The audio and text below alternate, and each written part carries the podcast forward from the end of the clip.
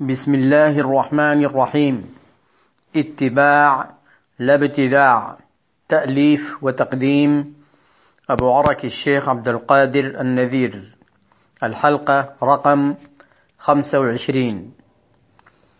استحباب زيارته صلى الله عليه وعلى آله وصحبه وسلم والكلام عن زيارة القبور والحياة البرزخية للموتى. اشتمل هذا العنوان في الأصل الذي هو شمس التحقيق على آيتين وثمانية وأربعين حديثا. استحباب زيارته صلى الله عليه وسلم.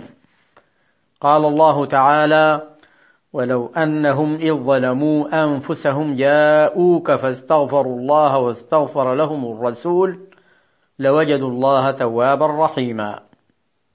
في الآية توجيه صريح للمجيء إليه صلى الله عليه وسلم.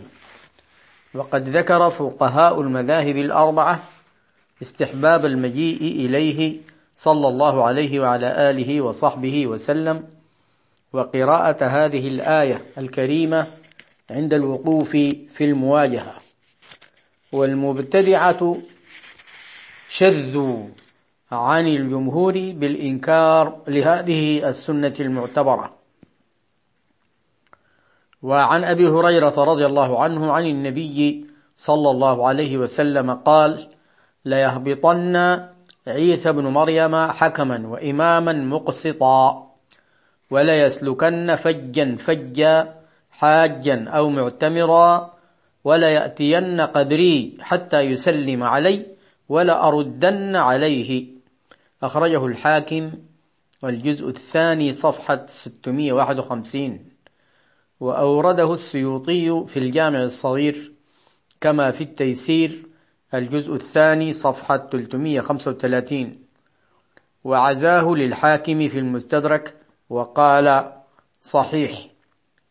وفي رواية لأبي يعلى رقم 6584 عن أبي هريرة رضي الله عنه عن النبي صلى الله عليه وسلم قال لينزلن عيسى بن مريم إماما مقسطا وحكما عدلا فليكسرن الصليب وليقتلن الخنزير وليصلحن ذات البين وليذهبن الشحناء وليعرضن عليه المال فلا يقبله ثم لئن قام على قبري فقال يا محمد لأجيبنه وهو حديث صحيح. فانظر إلى قوله ولا يأتين قبري حتى يسلم علي. وقوله ثم لئن قام على قبري فقال يا محمد لأجيبنه. وانظر إلى المبتدعين كيف ينكرون مثل هذا الفعل. وفي الحديث إن كعبا رضي الله عنه دخل على عائشة رضي الله عنها فذكروا رسول الله صلى الله عليه وسلم فقال كعب ما من فجر يطلع إلا وينزل سبعون ألفا من الملائكة حتى يحفوا بالقبر يضربون بأجنحتهم ويصلون على النبي صلى الله عليه وسلم حتى إذا أمسوا عرجوا وهبط سبعون ألفا حتى يحفوا بالقبر يضربون بأجنحتهم فيصلون على النبي صلى الله عليه وسلم سبعون ألفا بالليل وسبعون ألفا بالنهار حتى إذا انشقت الأرض خرج في سبعين ألفا من الملائكة يزفونه. أخرجه إسماعيل بن إسحاق الجهضمي القاضي المالكي في كتاب فضل الصلاة على النبي صلى الله عليه وسلم. الناشر لهذا الكتاب المكتب الإسلامي بيروت الطبعة الثالثة 1977 بإسناد صحيح. وذكره ابن كثير في التفسير الجزء الثالث صفحة 518 ونصصنا هنا على الناشر المكتب الإسلامي لأنه هو الناشر الذي تولى دائما نشر كتب السلفيين الذين يأتي منهم إنكار مثل هذه السنة من زيارة النبي صلى الله عليه وعلى آله وصحبه وسلم واجتماع الملائكة حول قبره يصلون عليه صلى الله عليه وعلى آله وصحبه وسلم. وعن مالك قال أخبرنا عبد الله بن دينار أن ابن عمر رضي الله عنهما كان إذا أراد سفرا أو قدم من سفر جاء قبر النبي صلى الله عليه وسلم فصلى عليه ودعا ثم انصرف. قال محمد هكذا ينبغي أن يفعله إذا قدم المدينة يأتي قبر النبي صلى الله عليه وسلم. كذا في الموطأ رقم 947 الشاهد مجيء الصحابي إلى قبره صلى الله عليه وسلم والدعاء عنده. والمبتدعون ينكرون ذلك. زيارة القبور.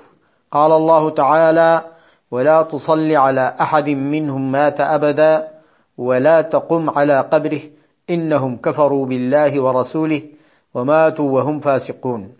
في مفهوم الآية أن غير المنافق يصلى عليه ويقام على قبره.